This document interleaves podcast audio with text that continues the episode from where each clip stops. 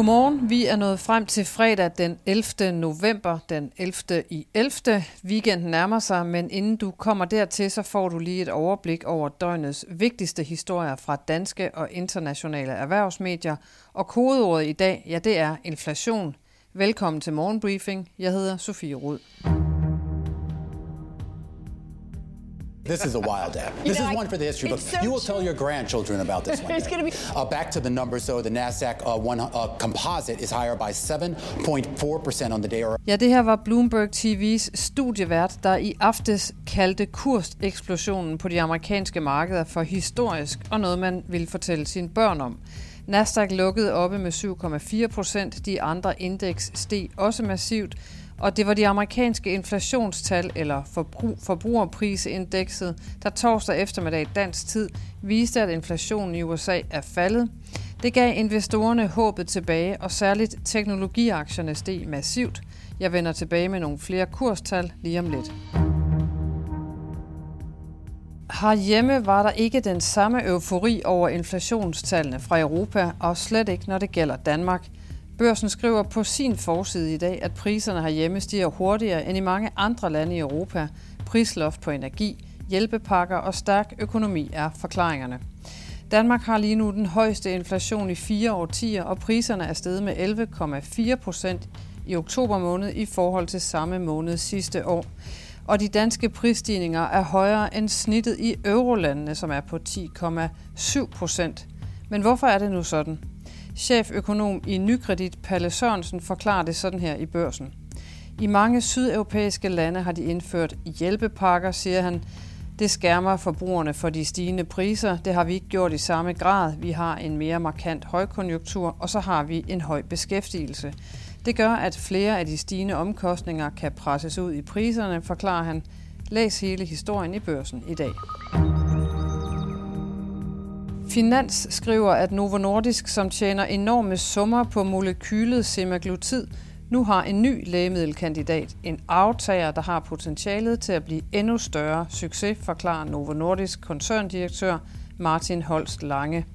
Semaglutid, der både er et fedmemiddel og diabetesmedicin, sætter salgsrekord kvartal efter kvartal og ventes i år at løfte Novos salg med op mod 200 milliarder kroner. Men de høje vækstrater sætter også den danske medicinalkoncern under et stigende pres for at finde en afløser, der har et endnu større potentiale og kan tage over, når semaglutids patentbeskyttelse forventes at udløbe i begyndelsen af 2030'erne. Og her viser stoffet Sagrisema imponerende og bedre resultater end semaglutids, ifølge Novo Nordisk, og det skriver Finans. Ørsted taber et stort hav vindudbud i Holland, det skriver børsen. Vindmøllegiganten må se sig slået i kampen om at bygge en stor havvindmøllepark i Nordsøen ud for Hollands kyst. Det fremgår af en afgørelse fra de hollandske myndigheder. Det bliver i stedet den tyske konkurrent RWE, som skal bygge den ene af de to nye vindmølleparker på samlet 2,1 gigawatt. Afgørelsen for den anden park, som Ørsted også har lagt billet ind på i samarbejde med den franske oliekæmpe Total Energies, er ikke afgjort endnu. Det vides ikke, hvornår vinderen kors, skriver børsen. Som du måske har hørt, så afviste verdens største kryptoplatform Binance onsdag at købe konkurrenten FTX, der nu er på kanten af konkurs, og det kan få store konsekvenser for tusindvis af danskere, som kan se frem til årlange kampe for at få deres penge igen, skriver børsen. Sådan lyder meldingen fra Payam Samagandi, der er indehaver af advokatkontoret Samara Law, som rådgiver danske og internationale klienter om juridiske forhold relateret til kryptovaluta.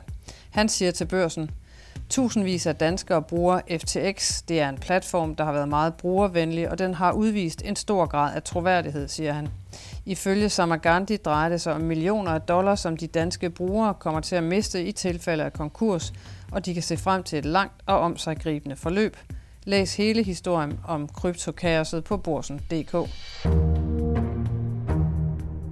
Vi skal tilbage til effekterne af inflationen. En voksende gruppe embedsmænd i den amerikanske centralbank Federal Reserve bakker nu op om at sænke tempoet for rentestigninger i USA, det skriver Financial Times torsdag aften.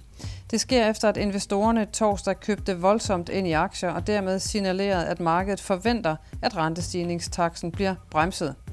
Patrick Harker, som er præsident for Philadelphia Fed, er den seneste i rækken af topfolk, der melder ud, at centralbanken kan sætte rentestigningstaksten ned. Han følger dermed sine kolleger i Federal Reserve i Boston, Chicago og Richmond.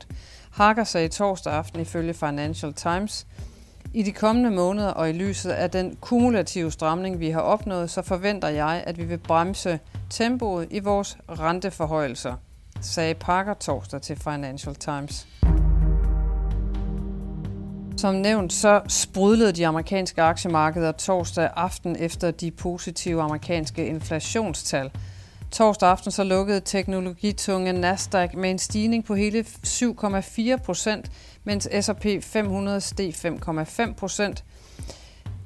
For S&P 500 så er der tale om den største stigning på en enkelt handelsdag siden april 2020, men særligt vækstaktierne var der, hvor man kunne se de største kurshop torsdag. Prøv at høre her nogle af de navne, som steg allermest. Apple steg 8,9% Tesla 7,4 Facebook eller Meta 10,3 Microsoft 8,3 Amazon 12,2% og Nvidia steg med hele 14,3% Det danske C25 Eliteindeks lukkede med en stigning på 3,82 procent. Det er den fjerde største stigning på en enkelt handelsdag, siden indekset blev etableret i 2016. Du kan finde alle detaljerne om aktierne og regnskaber og finansielle markeder på borsen.dk Investor.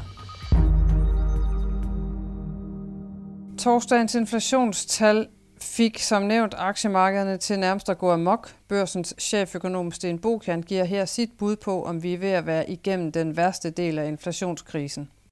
Der er ingen tvivl om, at torsdagens inflationstal fra USA var godt nyt. Øh, inflationen faldt, og det var både det, man kalder kerneinflationen, og også den samlede inflation, der faldt.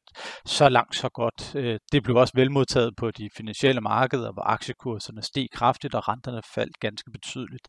Så øh, alt i alt rigtig godt nyt.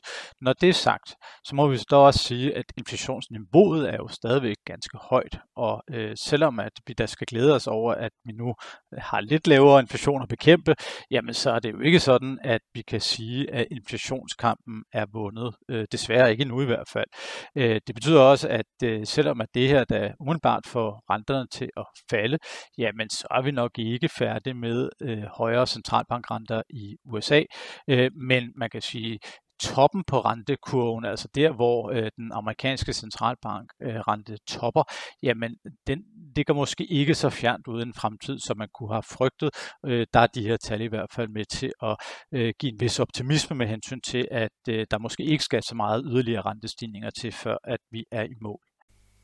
Men hvad betyder det her for dansk økonomi og virksomhederne og forbrugerne, spurgte jeg Sten Bokian man kan jo sige, at en, en lavere inflation er godt nyt. Øh, det her er jo ikke dansk inflation, det er ikke europæisk inflation, påvirker jo så heller ikke nødvendigvis den europæiske centralbank og de renter, som vi står overfor i Europa. Men de indikerer dog trods alt, at øh, vi måske også godt kan se ind i en fremtid, hvor øh, inflationen også bliver lavere i vores del af verden. Øh, amerikanerne var hurtigere til at få høj inflation, og ser også ud til at få være hurtigere til at få inflationen lidt ned igen. Øh, så på den måde, jamen, så kan man da håbe på, at det her markerer, at øh, inflationskrisen i hvert fald bliver lidt mindre voldsom, øh, når vi kigger sådan hen over de, de kommende måneder, men den forsvinder ikke. Øh, det der er desværre ikke noget, der tyder på, og det vil sige højere renter, end hvad vi tidligere har været vant til, højere priser, end hvad vi tidligere har været vant til, det er nok stadigvæk det, vi skal være indstillet på. Og det sagde altså børsens cheføkonom Sten Bolkan. Morgenbriefing er slut. Vi er næsten kommet levende igennem en uge mere. Jeg vil gerne ønske dig en god weekend, og så høres vi ved mandag.